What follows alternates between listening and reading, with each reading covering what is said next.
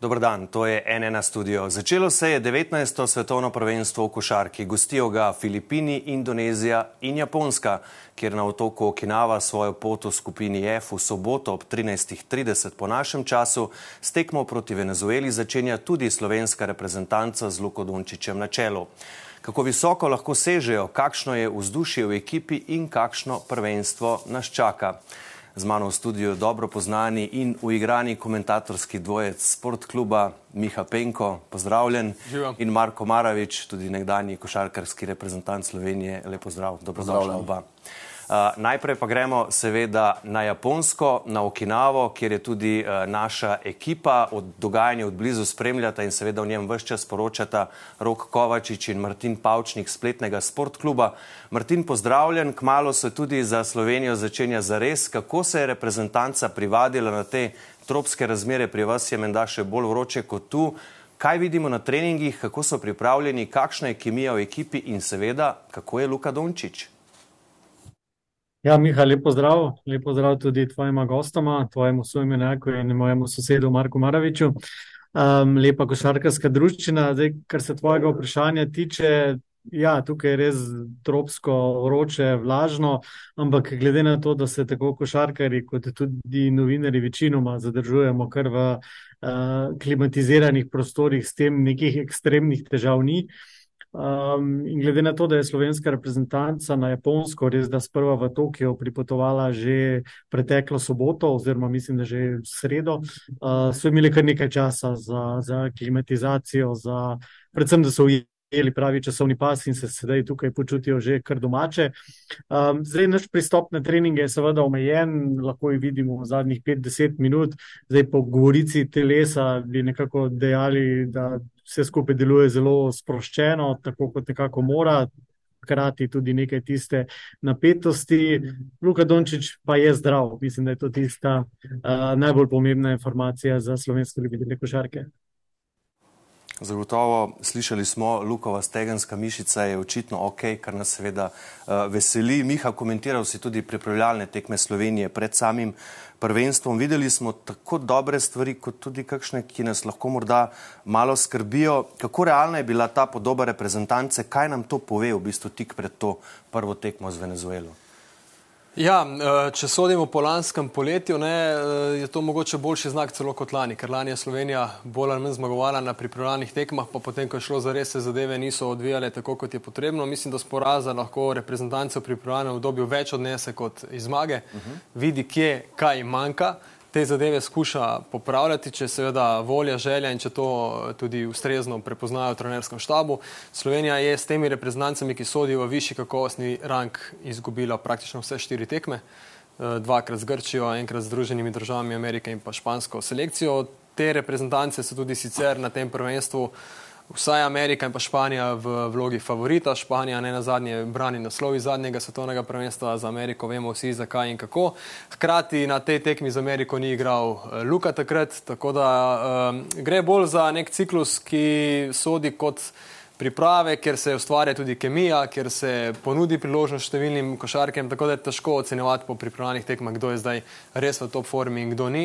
Konec koncev ima Slovenija še ta prvi skupinski del, se pravi še te tri tekme, verjamem, da jih bodo sicer dobro opravili, možnost, da se igrajo, da se pripravijo potem na drugo. Eh, skupinski, drugi skupinski del, ko se premešata dve skupini, no tam pa bo že situacija res na najvišjih možnih obratih in verjamem, da bo tudi Mike Tobi, ki se je pravzaprav zelo pozno pridružil reprezentanci, v tistem momentu že na svoji uh, odlični formi. Ja, bodo pa ti rezultati zdaj v prvem delu v bistvu zelo pomembni, ker se prenašajo naprej, ja. ne, potem v naslednjo skupino. Marko, kaj praviš ti? Venezuelo seveda slovenska reprezentanca pozna, doslej na treh tekmah z njo nismo imeli kakšnih večjih težav.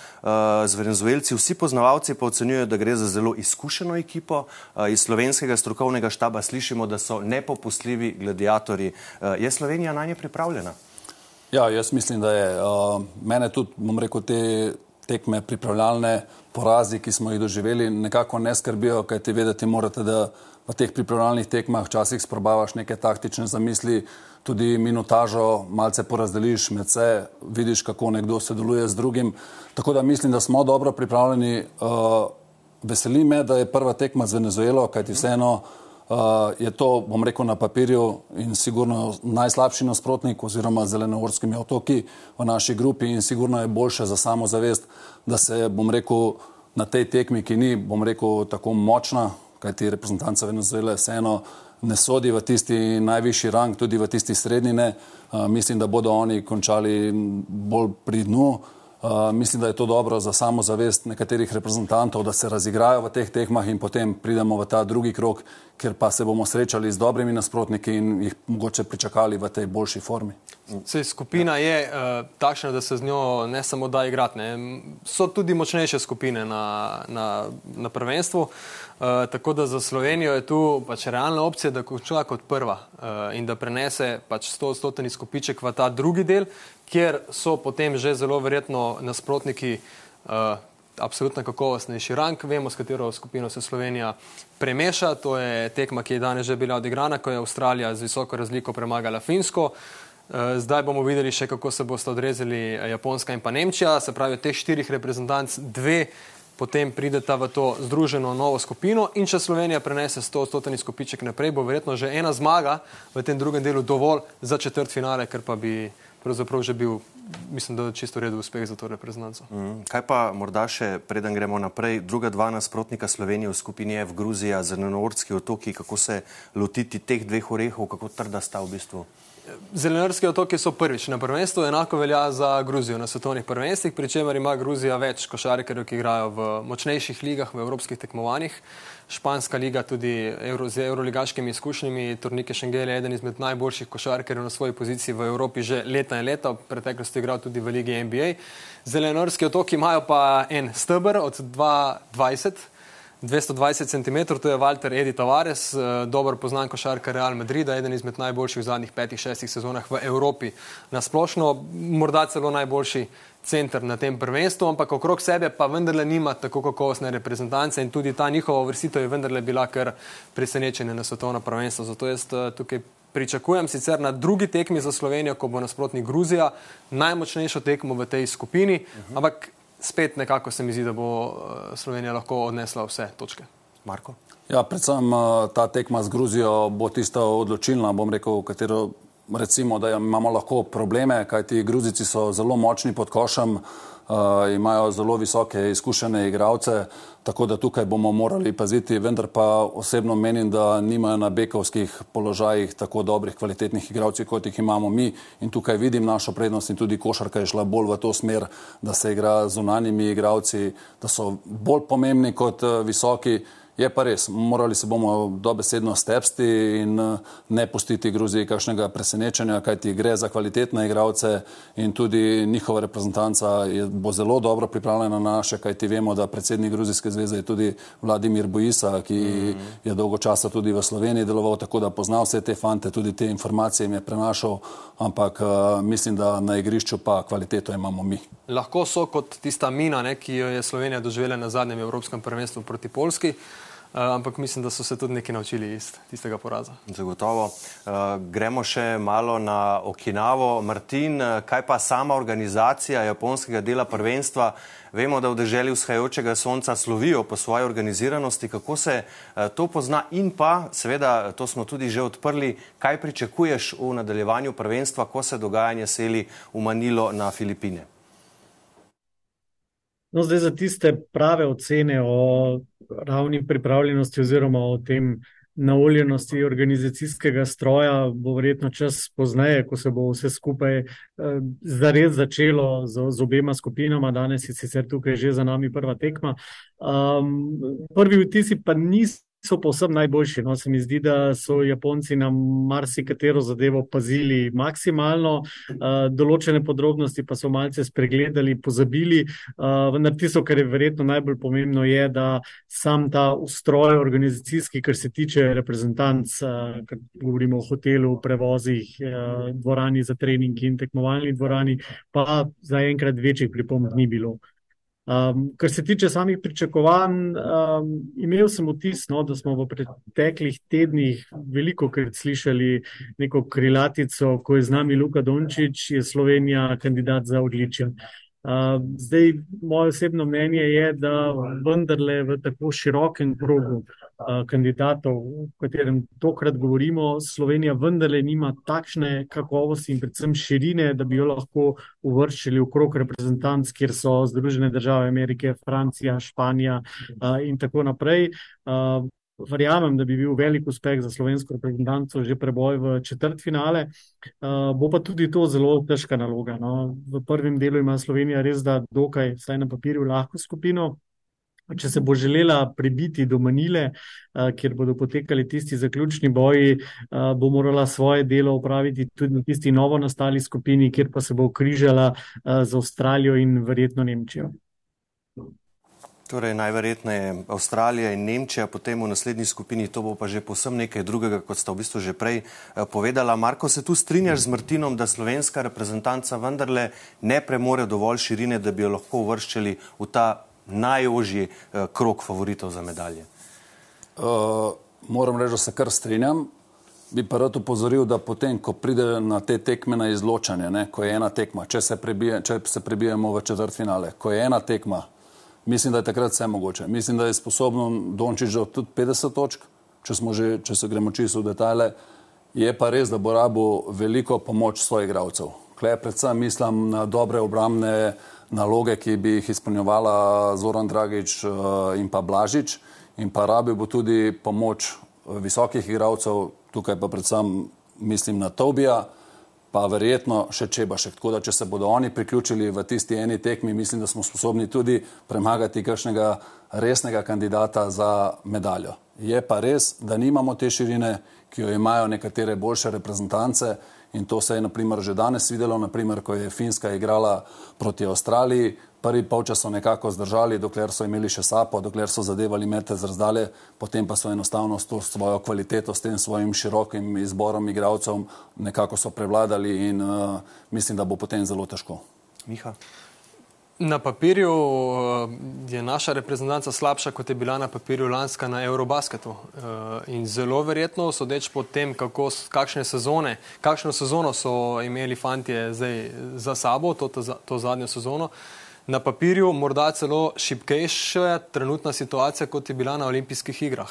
Ampak kemija se je takrat poklopila, videli smo to igrivost, videli smo, da so sledili luki in da so imeli tudi dobro razdeljene pozicije. Klemen Prepelič je prihajal s klopi in bil je morda celo najboljši šesti košarkar prvenstva. Slovenija je zmanjkal, Marko pravi, ne, ne, ne sekunda, ne pol sekunde, ampak centimeter do, do praktično uh, gotovega uh, odličja, ne, do vsaj srebrne medalje. Tako da uh, mislim, da bo predvsem pomembno to, kako bodo te vloge razdeljene in ali jih bodo oni začutili tako, kot so jih začutili na prvenstvu, ne na zadnji iz 2017, pa tudi potem na olimpijskih igrah. Ja, kako si, ko si omenil 2017, kako na reprezentanco povajno vpliva, da zdaj ni več zraven zlatega kapetana iz 2017, Gorana Dragiča. Vemo, da so bili kratki stiki s selektorjem Sekoličem, da se je odpiralo vprašanje avtoritete zlasti lani na Eurobasketu, ne, ko je Slovenija takrat eh, šokantno izpadla v četrt finalu proti Polski. Kako je s tem zdaj v bistvu, ko se vse vrti le še okoli Dončiča Miha?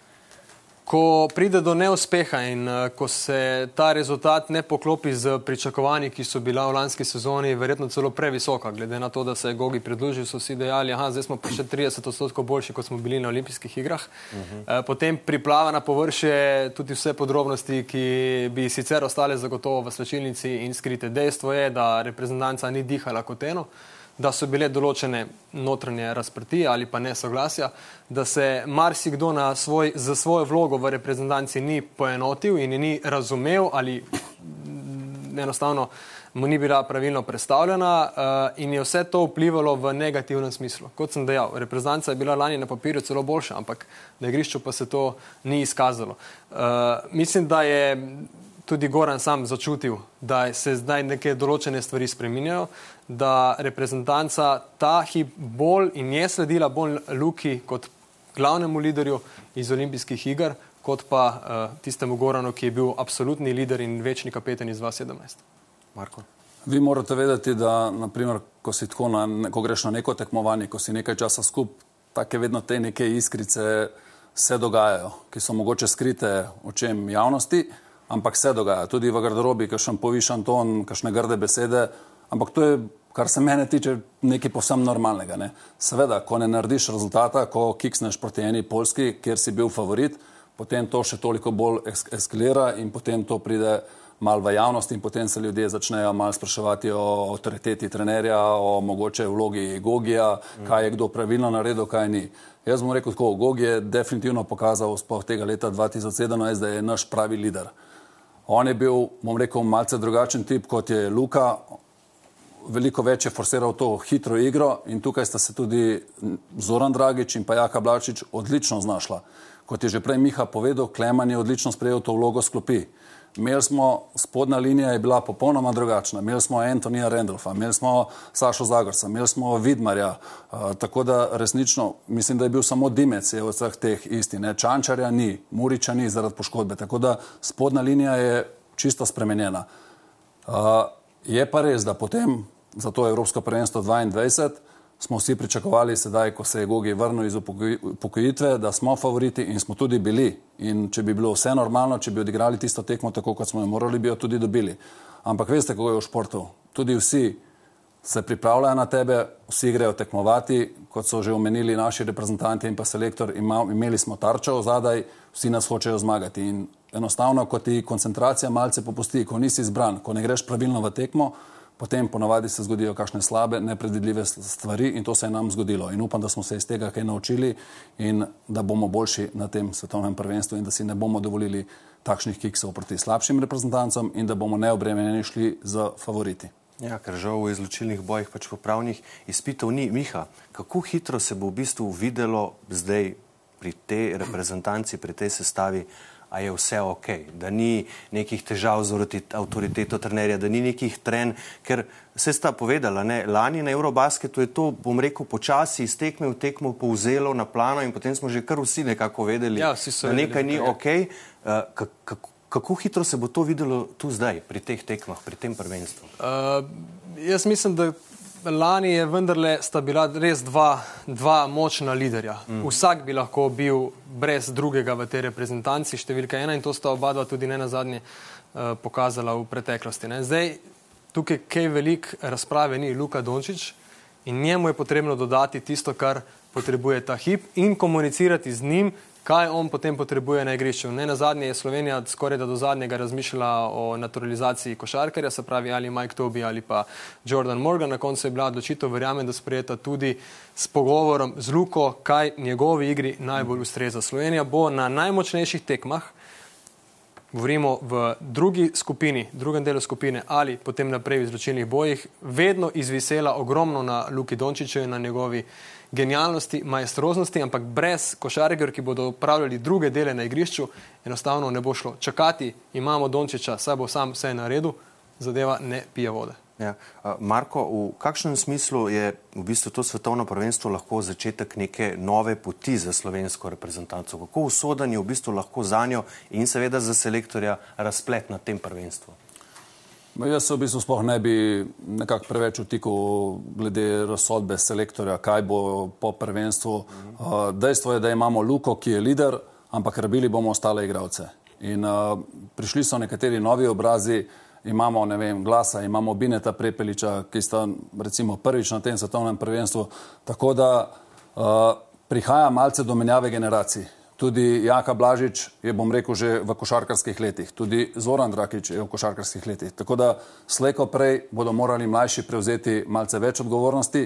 Imamo pa to srečo, da imamo enega najboljših, če ne najboljšega igralca na svetu, Luko Dončiča, ki je lider ampak brez pomoči ostalih proti boljšim reprezentancam ne bo šlo. In tukaj vloge morajo biti razporejene in uh, mislim, da se morajo ostali igralci tudi zavedati in sprejeti to vlogo, ne gledati samo na točke, ampak predvsem v obrambi, ki mislim, da je bila v teh pripravljalnih tekmah, da je to naša najšipkejša stvar. Mislim, da bo tukaj potrebnega veliko več truda in pa angažiranosti in pa, bom rekel, žrtvovanja v prid reprezentance. Torej, kako pomembno bo v bistvu Miha to prvenstvo za začrtanje te neke nove poti pod narekovaji slovenske reprezentacije ali pa prenove? No? Ja, prenove, uh, kakšen smisel? Ne? Slovenija bo rezultatsko na velikih tekmovanjih v prihodnosti zelo odvisna od tem, kako se bo odvijala karijera Luke Dončiča, tako v zdravstvenem smislu, kot tudi v klubskem uh, smislu pri trenutno pri Dallas Mavericksih. Če bo imel še daljše sezone, če se bo zdala sem začel uvrščati dejansko v končnici še kakšen korak, dva, tri več, potem bo slej ali prej prišel trenutek, prišlo poletje, ko Luke po zdaj mislim, da petih letih ne bo poleg.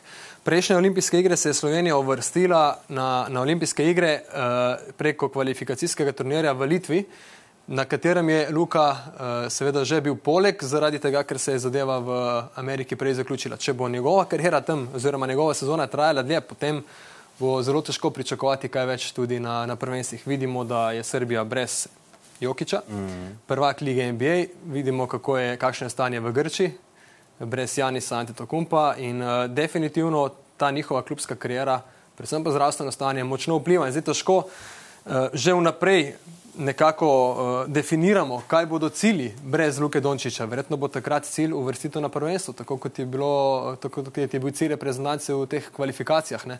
Brez Luke, brez Euroligaških košarkarjev se uvrstiti na prvenstvo, potem pa se karte spet na nova premešajo in je ta Slovenija posem v drugačni obliki, oziroma drugače izgleda kot, uh, kot brez Luke. To je pa ni potrebno biti Einstein, ne, da, da to razumemo in vemo. Mhm.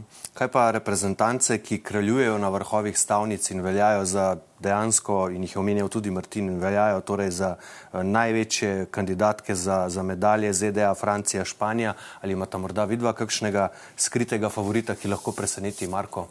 Jaz bom rekel, da kar se mene tiče, no, neke velike filozofije ni. Tukaj so Amerika, ne glede na to, da niso prišli v tisti najbolj zvezdniški zasedbi, ampak vseeno so to vrhunski igravci, ki so, bom rekel, še veliko bolj obrambno usmerjeni, uh mhm. -huh. tako da so sigurno eni izmed favoritov. Potem tukaj lahko govorimo tudi o Špancih. Uh, dodal bi tukaj še Kanado in pa bom rekel Nemčija. Nemčija je zelo neugodna, pa potem še Avstralija in tako naprej. Zdaj, če bi iskal nekega skritega favorita, jaz sem ga imel pred prvenstvom nekako v Latviji, sem videl veliko nevarnost, ampak glede na to, da se je njihov najboljši igralec uh, Prozingin spoškodoval, mislim, da Latvija vseeno nima te kvalitete in te širine, tako da to odpade. Me je pa mogoče malce v teh pripravljalnih tekmah uh, presenetila Brazilija, ki bi tudi lahko mogoče naredila kakšen rezultat, ali pa tudi, bom rekel, zdaj nek tak res skritje, pa Dominikanska republika, ne, ker imajo Karla Antonija Townsa, med drugim so med tem pripravljalnih tekmah tudi premagali Kanado, tako da mi je bila zelo všečna igra, je pa to turnirski sistem. In enostavno, če nimaš te širine, kot jo imajo te najboljše reprezentance, je zelo težko, bom rekel, v nekaj dneh odigrati tekmo eno za drugo in nekako te zmanjka. Zdaj, ko smo že zelo uh, razširili ta krok favoritov, ja. uh, celo do Dominikanske ja. republike. Uh, ja, med top 8 bo zagotovo ciljala tudi Avstralija z 8-9 igralci iz lige NBA. Uh, zagotovo bo Srbija skušala imeti svojo besedo, ne glede na to, kakšni postavi je. Na prijateljskih tekmah je tudi izgledala v redu. Bi pa tudi sam poudaril še prisotnost Kanade z na papirju zelo, zelo močno zasedbo. Bomo vsekakor z zanimanjem spremljali svetovno prvenstvo na sport klubu, eh, ja. tako da vsi vljudno vabljeni seveda k ogledu. Eh, komentatorja poznate, Marko Maravič, Miha Penko, najlepša hvala, da ste bila naša gosta in seveda vsi želimo vse najboljše slovenski reprezentanci. Definitivno. Hvala, hvala vam.